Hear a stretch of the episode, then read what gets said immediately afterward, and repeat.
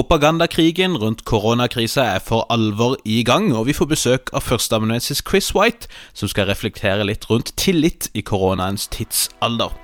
Vi skal også innom alt fra gresshoppesvermer til de siste utviklingene i borgerkrigen i Libya. Dette er Hva skjer med verden?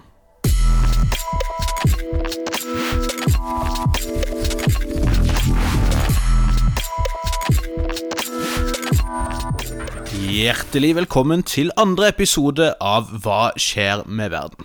Mitt navn er fortsatt Bjørnar Østby, og med meg har jeg fortsatt Nick Brandal. Der vi skal være innom alt fra gresshoppesvermer til en våpenhvile i Libya, så er jo fortsatt fokuset på korona. Og I den forbindelse så har vi fått besøk i dag av førsteamanuensis Chris White, som sammen med Nick skal reflektere litt rundt dette med tillit. Hvem vi stoler på, hvilken informasjon vi stoler på i disse dager. Den samtalen blir på engelsk, men vi satser på at dere skjønner det veldig greit. Men vi starter med å si hei til Nick. Hei, hei. Du eh, sitter fortsatt barrikadert på kontoret og holder nok en gang på å gå tom for kaffe, riktignok bare i den eh, koppen som du har i din umiddelbare nærhet. Jeg sitter vel faktisk eh, strengt tatt ikke fortsatt, men jeg sitter her igjen etter å ha hatt et par dager hjemme. Ja, riktig. riktig. Sammen med et par andre middelaldrende hvite menn som som vanlig ikke bryr seg om hva myndigheter eller arbeidsgiver sier om, om slikt. da. Det, det, er jo interessant å se at de to eh, demografiene som ser ut til å bry seg minst om eh, myndighetene sine beskjeder, er middelaldrende hvite menn og millennials. Har du lært noe nytt om deg sjøl eller om verden mens du har eh, vært eh, isolert, enten hjemme eller på, på kontoret? Jeg har lært to ting denne veka. Eh, det første er at jeg kanskje ikke trives fullt så godt i mitt eget selskap som jeg trodde. Og den andre er hvor viktig personlig hygiene faktisk er. Ja, det er, det er en ganske fin lærdom å ta med seg, med seg det. Uh, selv må jeg si at uh, jeg skremmer meg sjøl med at jeg egentlig har funnet ut at det er jo ganske ålreit å rengjøre og bake og sånt. Jeg har lært at jeg er veldig lei av å se folk på sosiale medier trikse med doruller. Um, og sånne virale danser på nett og sånt, det, det, begynner jeg å bli ganske god og mett på nå. Men det, det er kanskje Når vi først er inne på tingene jeg er lei av, så, så, må jeg jo konstatere eh, med et veldig tungt hjerte at eh, kjendisene er i gang igjen, Nick. Eh, du har jo sikkert fått med deg denne her Celebrity Imagine-filmen, kan jeg tenke meg. Eh, og hvis du har gjort det, så beklager jeg. Hvis du ikke har gjort det, så kan du prise det lykkelig. For det er noe av det verste jeg har sett på mine snart 27 år her på, på kloden. Eh, personlig så tenker jeg vi burde ha lært dette her for lenge siden. At det første myndighetene må gjøre i møte med sånne store kriser som vi står i nå, det er å sende alle kjendiser og artister og sånn i tvungen isolasjon og kutte all tilgang til sosiale medier, tradisjonelle medier og studioer ikke minst. Eh, vi burde jo ha lært dette her allerede på 80-tallet, tenker jeg, da en eh, bråte med kjendiser eh, sang og spurte etioperne om de i det hele tatt visste at det var jul. Etiopia er et land da, som har vært kristna siden 300-tallet, eh, noe sånt som 1450 år før det i det hele tatt fantes noe som het USA. Men uh, den nyeste oppfinnelsen nå da, er jo dette her Celebrity Imagine-greia. Hvis du ikke har sett denne filmen, så kan du som sagt prise deg lykkelig, men det er altså den israelske skuespillerinna Gal Gadot som har lagt ut en film på sosiale medier der hun ønska å gjøre noe for å liksom løfte opp folk litt, sant? lift their spirits. Og uh, Der begynner hun å synge på uh, Imagine av John Lennon. Og så tenker du kanskje at hun skal synge hele filmen, men det skal hun jo ikke. Uh, hun sender stafettpinnen videre til masse forskjellige kjendiser og artister som da synger hver sin lille strofe av denne sangen. Det er tonedøvt på mange plan. For det første, rent musikalsk sett, er det helt grusomt å høre på, for alle synger jo i forskjellige tonearter og i forskjellig tempo.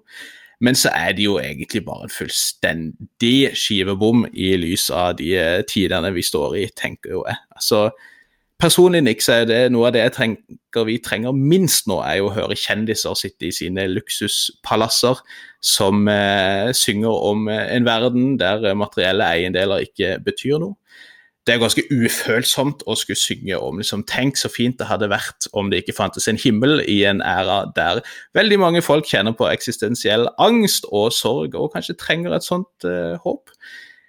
Og så kan jeg snakke fritt, Nick. Snakke vei. Ja, Det er jo faktisk jeg som redigerer denne her podkasten, så den eneste sensuren her er jo meg sjøl. Men jeg har lyst til å si, Nick, at uh, Imagine av John Lennon det tror jeg må være en av verdens mest oppskrytte sanger gjennom historien. altså.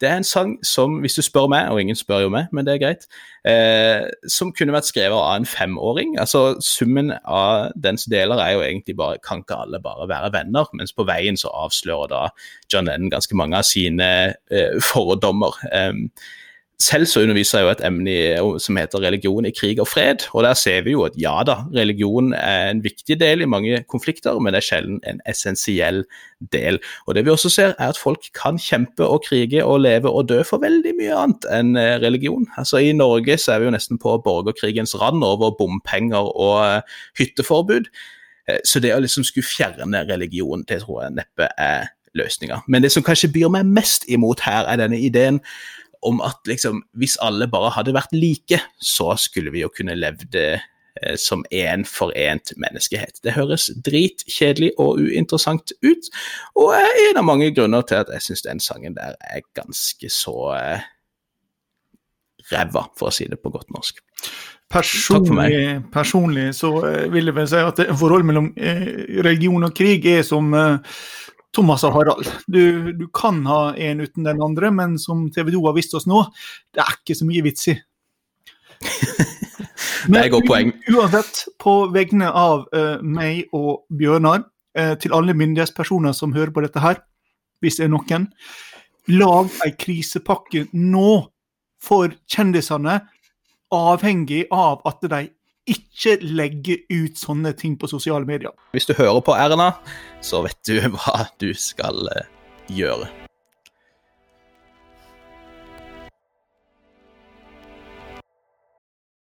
So I'm here with uh, Chris White, who's an associate professor of international studies and peace and conflict studies here at Bjorknes University College. And he's been doing a lot of research into political psychology. And Chris, um, we're now at a possibly crossroads in history where information and what we do with that information can seriously be a matter of life and death. And we have seen that different countries, different people react widely different to information we're given about how to act, why we should act that way. Uh, hmm. and it seems to me that a lot of that is down to who we trust to have the correct knowledge. Yeah. So I think the question of trust here, how do we as humans decide what information we trust and what we don't trust? Great question. I think uh, you know the, the, the precondition here is one of uncertainty. So whether we like it or not, we are forced to trust. I think Nick, we can sort of come at this issue of trust by asking three sort of simple questions in a way that are related and are related to the you know the, the problem that we face is are the right decisions being made by the right people for the right reasons right? And each of these has its own kind of little separate way of thinking about it. You know what do we mean by right reasons? So you know what is the basis of the decision being made? Is it is it correct or not? Is it objectively right or wrong uh, is it factually based? Is it scientifically informed? Right. Then you have this issue about right people. Who do we trust to be the right people? What qualifies you to be competent in making the right decisions in such an important time? Right. Are politicians well qualified? Which politician? Should it be the leader? Should it be his team? Including his special advisors, or should it be the parliament at large? Uh, you know, these sort of questions, right? Or is it a broader sort of circle who are uh, right people, the scientific advisors who we now see standing next to the politicians every time the politician goes to announce a policy, right? Uh, and then the final point is, is right decisions. How do we know, how do we trust decisions that are ultimately made by these people are correct? Um, and I think that's a difficult issue as well because there are trade offs. So you could have a, a, a sound, scientifically informed position that would say, to save this many lives, you should do this or you should do that. But the politician will need to make sense of a broader set of trade offs that are involved once the scientist has informed your position. The scientist works purely on the basis of looking at the facts based upon models, presumably, right? The politician must take into account a broader array of interests. Uh, and those broad array of decisions makes it much more complicated. So the number of deaths set against the economic costs, the trade off of the fact that, broadly speaking, it's older people rather than younger people, um, uh, and, and, so on and so forth. And then those kind of decisions being by their nature a little bit more political, they then will sort of, as it were, thin the idea of trust because, like, what are, are you making the political decisions that reflect my interests? Right. So you have are the right people making the right decisions for the right reasons. And then there's, I think, one final element that's worth reflecting on as you think about the issue of trust is, is the subjective me bit. So the other bits are about things exterior to me, right? The, uh, the reasons are exterior to me. They're based upon informed positions or arguments or facts. So the people are exterior to me. They're politicians, people in positions of power, people who I suppose are meant to have competence. And decisions are beyond me because they impact me. My children can't go to school anymore. I can't travel on a plane anymore. Uh, I have to stay in the house. Uh, you know, the, the, you know, I can only buy so much food and so on and so forth. Right? All these things are exterior to me, but there's an inner subjective state that I must also wrestle with. Right? My emotional strength because trust, in some sense, is an emotional thing. I think so. You've got like four complicated dimensions here that you have to kind of make sense of when you reflect upon the significance of trust and its impact on making sense of a problem like this. Is it, is it possible to say anything about why some people now react to the government telling them to, to keep social distancing? Is that based on personality or on politics or? Yeah, I, I think it's, it's a complex thing, isn't it? Because I think what makes this also complicated is, is when politicians uh, uh, ask people to behave responsibly, right, and then you see them going out and you know, and they're kind of in the parks, and then there seems to be like lots of people out in the park.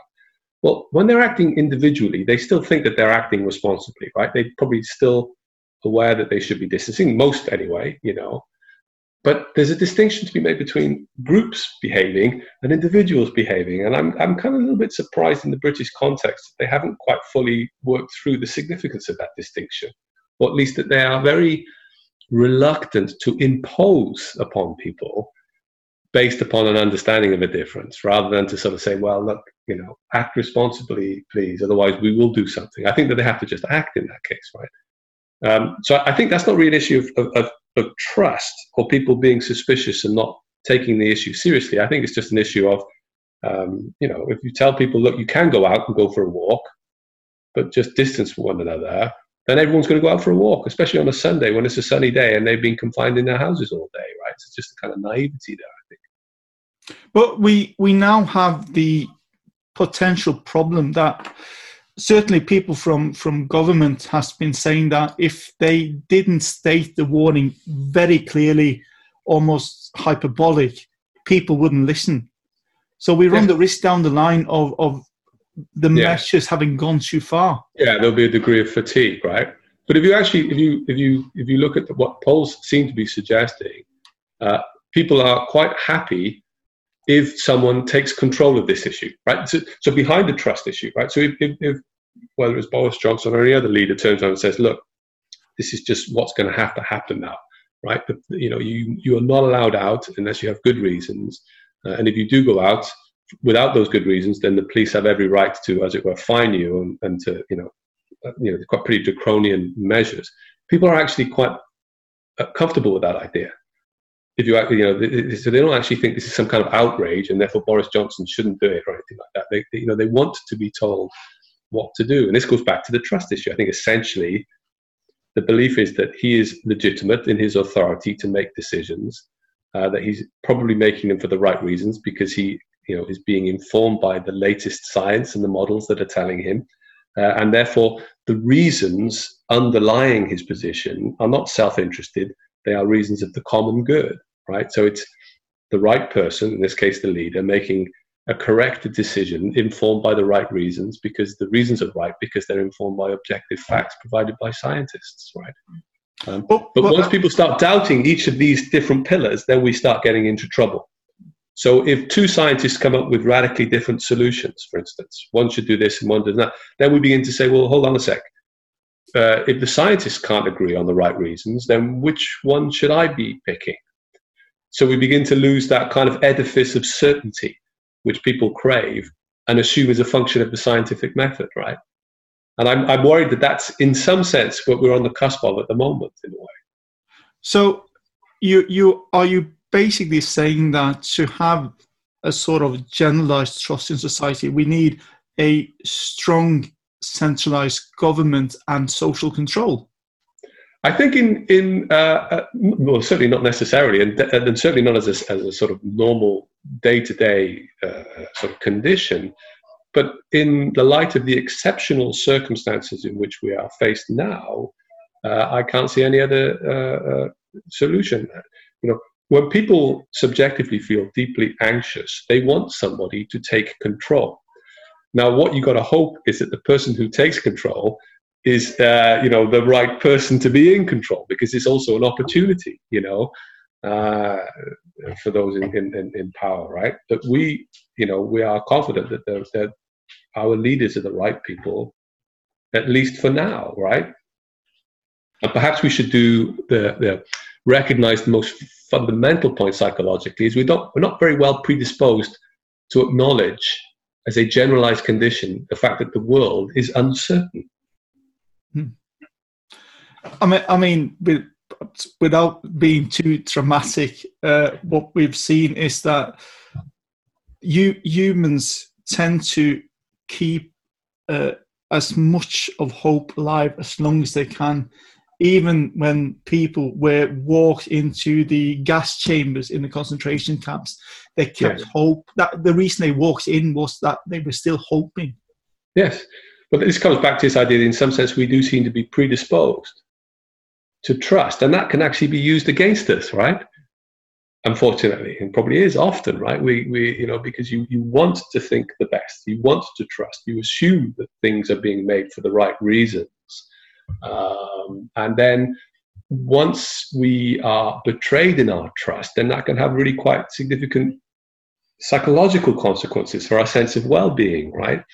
But if we get through this and we see that in some sense we kind of weathered this storm and far less people died than would otherwise have died, um, then in some sense we are confirmed in our belief that ultimately we, we've got something right, right? And, our, and our, our leaders are making the right decisions for the right reasons.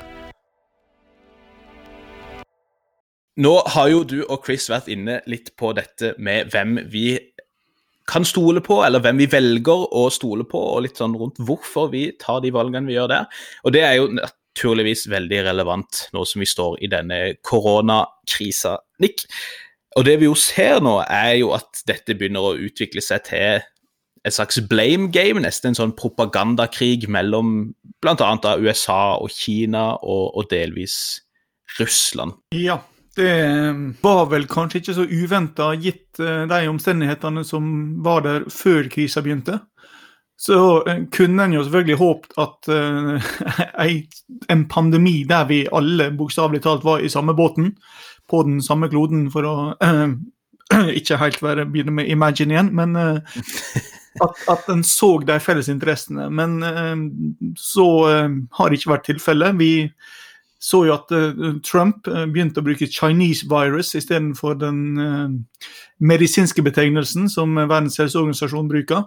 Dette ble jo etter hvert møtt naturlig nok av Kina med motsvar, og, og, og vi har jo nå endt opp i en propagandakrig eh, som ikke er særlig heldig gitt de utfordringene vi står overfor. Mm. Og Når det gjelder det, det kinesiske narrativet, da, så gjorde jo bl.a. journalister fra New York Times en undersøkelse der de gikk gjennom mye av dekninga fra kinesisk statlig TV, bl.a.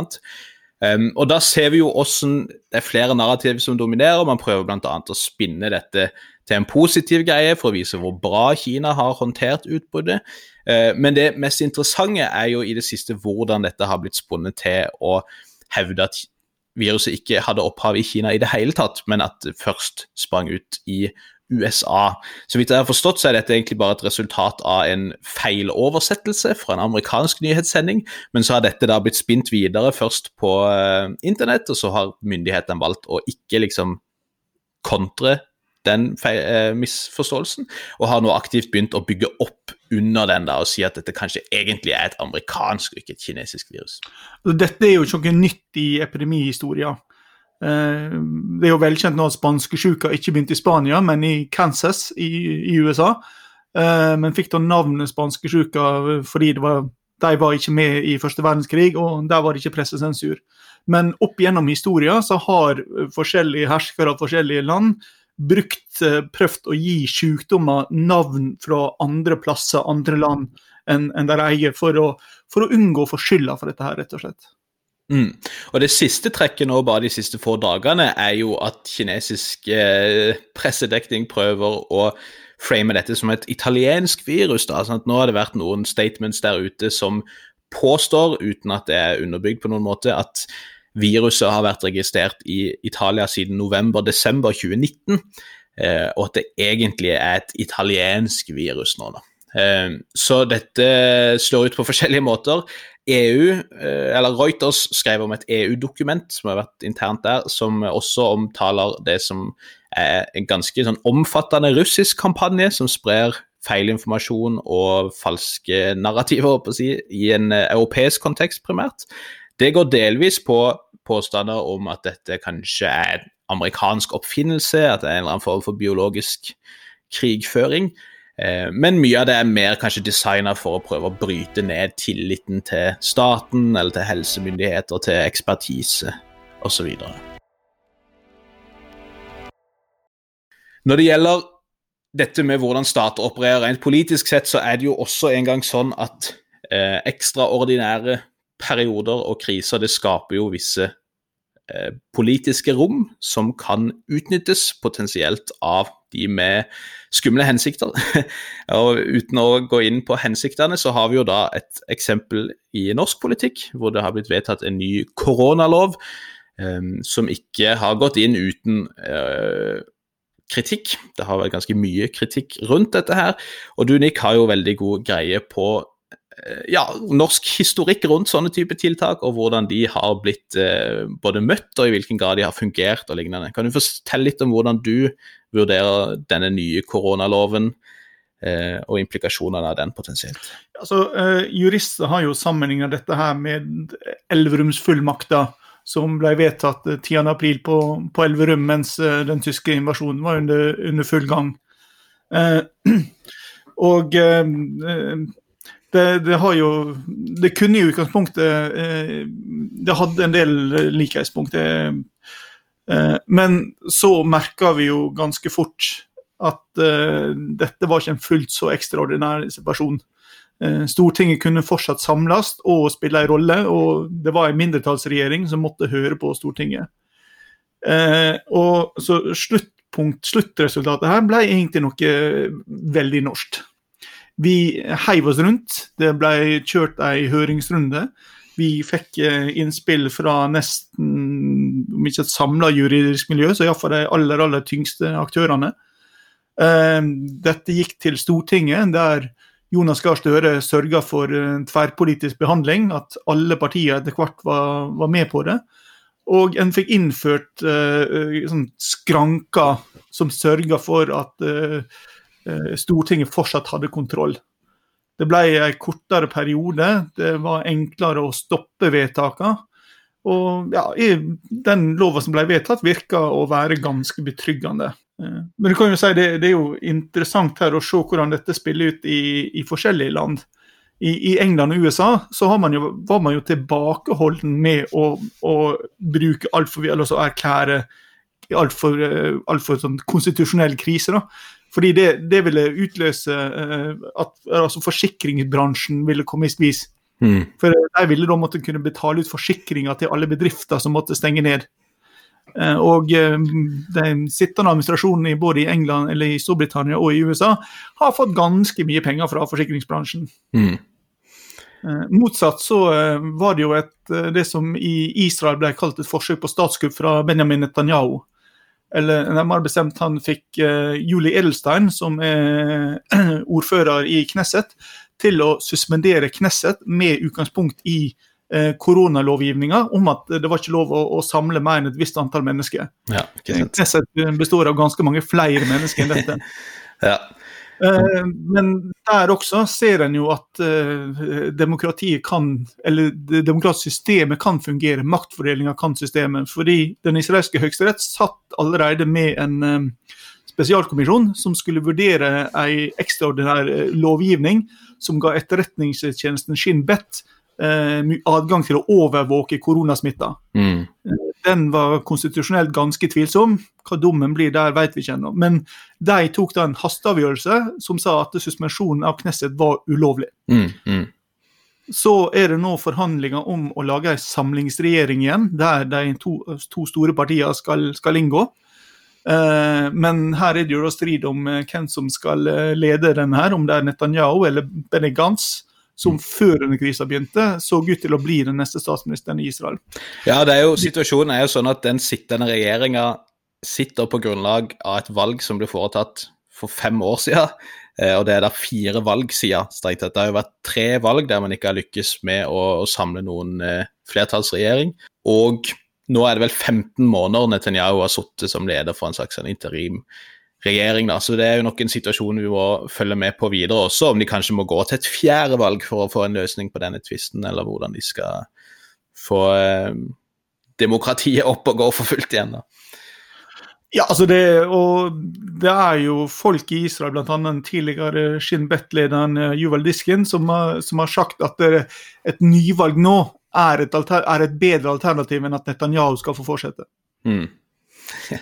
Ja, Netanyahu greier jo å få en israelsk general, Benny Gantz, til å fremstå relativt moderat, og det er jo ganske godt jobba for de som kjenner til noen israelske generaler opp igjennom. Det en kan si mer generelt her, det er at krisa er et tidspunkt hvor statsledere og, og, og statene i det store og hele får et rom for å øke makta og innflytelsen sin, og det, når det rommet oppstår, så vil de gjerne prøve på det. Mm.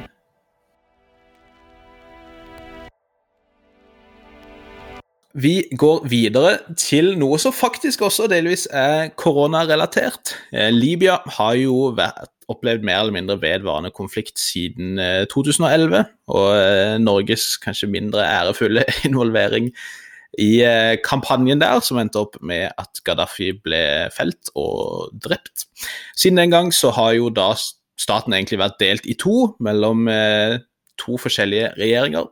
Og i fjor vår så kom jo da den siste fasen av eh, konflikten. Da gikk en general Haftar, som har hatt sete øst i Libya, på offensiven mot regjeringa i Tripoli, som kalles for The Government of National Accord.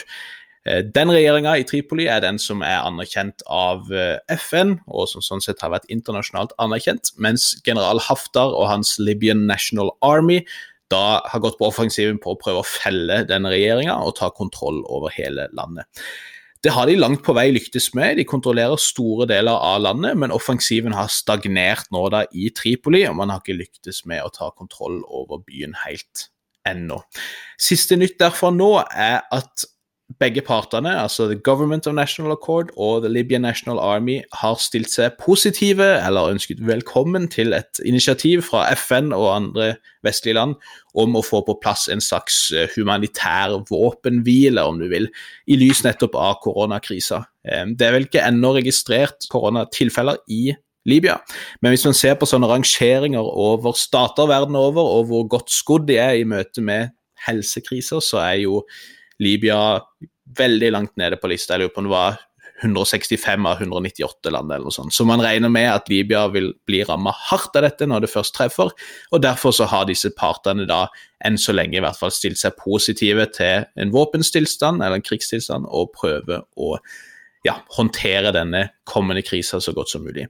Dette skjedde altså på fredag. Det er ikke ennå blitt formalisert noe skikkelig annet enn noen sånne vi syns dette er et positivt initiativ-type statements, og eh, i løpet av helga så har det også vært trefninger, så det er ikke noen sånn reell våpenhvile, strengt tatt, så vidt jeg kan lese situasjonen.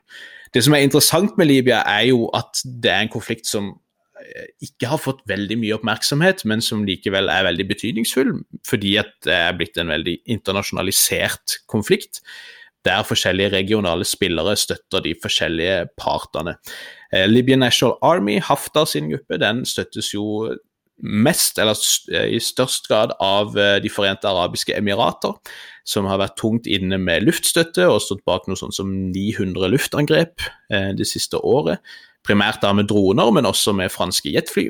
Eh, de støttes av Egypt, av Saudi-Arabia, kanskje av Frankrike og av Russland. Russland har sendt inn denne Wagner-gruppa, som offisielt er en primat militær eh, styrke, men som alle vet har bånd til Kreml. De dukker stort sett opp hvor eh, Russland har interesser, om det er i Sentral-Afrika eller Mosambik eller Syria eller nå Libya. I tillegg så skal det også ha kommet inn styrker fra Sudan og Eritrea, som er inne og støtter da Libyan National Army. Denne regjeringa i Tripoli på sin side støttes tungt av Tyrkia, som har vært inne eh, med droner og på en måte da fylt opp det tomrommet i luftkrigen på den sida av konflikten. De har også sendt inn noen bakkestyrker, og så har de flydd inn flere tusen syriske leiesoldater. Hvis dere husker disse som denne paraplyen kalt Syrian National Army, som kjempa mot kurdere i eh, høst i Nord-Syria, så har nå mange av de blitt flydd over til Libya for å gå Tyrkias ærend der. De forente arabiske emirater og Tyrkia står jo på mange måter på hver sin side av det som har blitt en slags sunni-splitt i Midtøsten. Vi tenker kanskje at konflikten går mellom sunni- og shia-nasjoner, altså mellom Iran og Saudi-Arabia med sine allierte, men det er også en slags rift da mellom sunni-stater. Da med Emiratene, Saudi-Arabia og Egypt på den ene sida og Tyrkia og Qatar på den andre. De har posisjonert seg på hver sin side i alt fra Syria og Libanon og Egypt til nå Libya. Så den dynamikken der er også interessant å følge med på. I det siste så har konflikten gått ned noe i intensitet.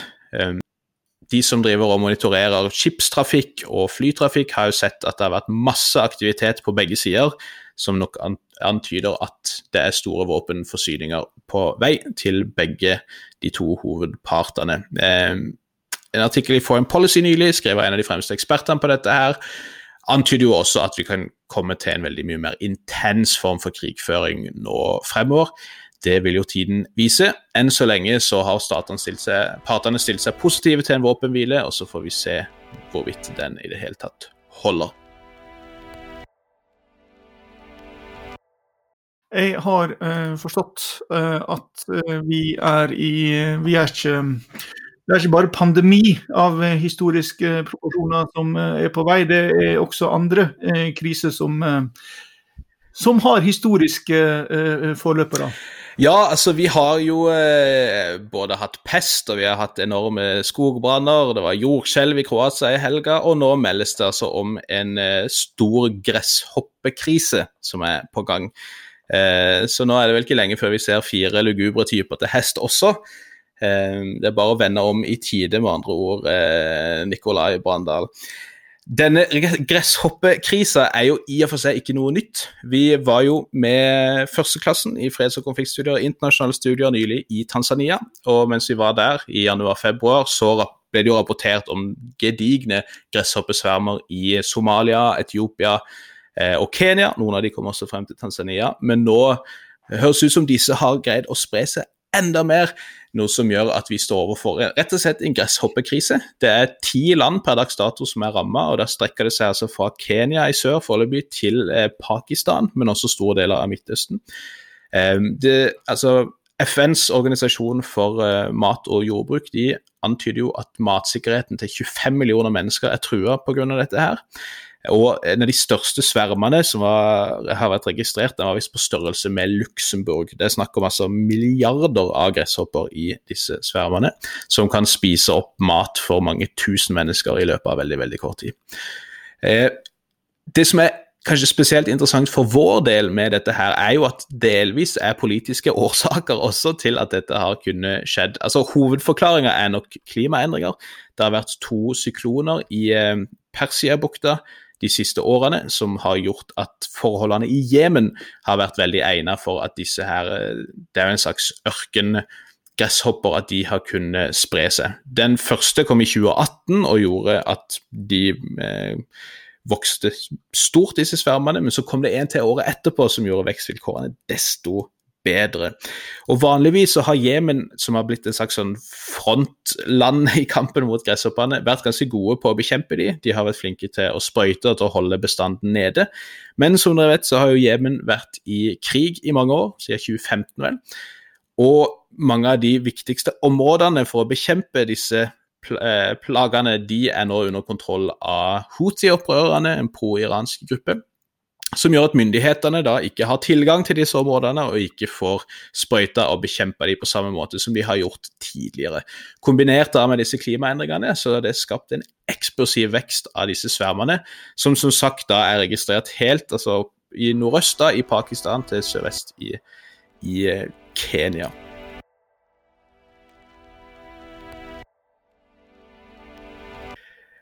Så må vi jo snakke litt om fotball til slutt.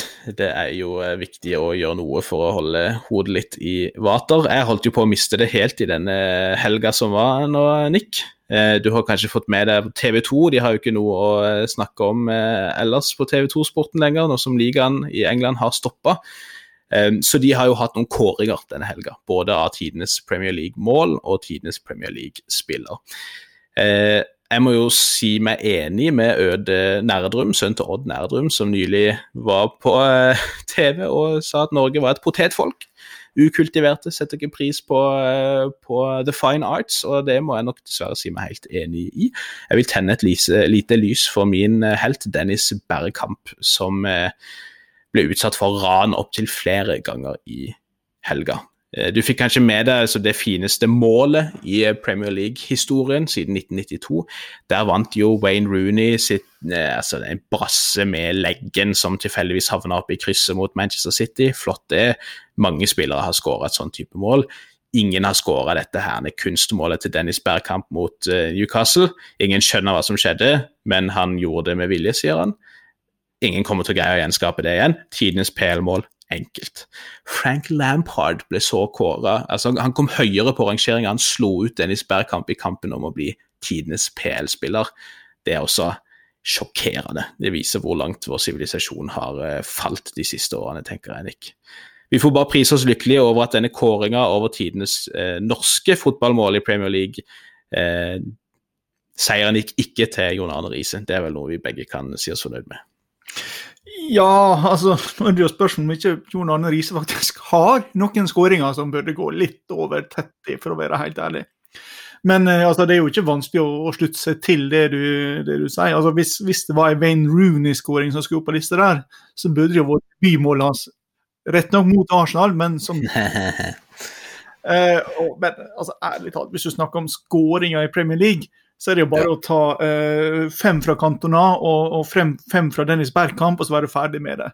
Ja, ja. Når Cantona chipper han opp i krysset der, bretter kraven opp og bare stirrer ut sånn for en konge, altså.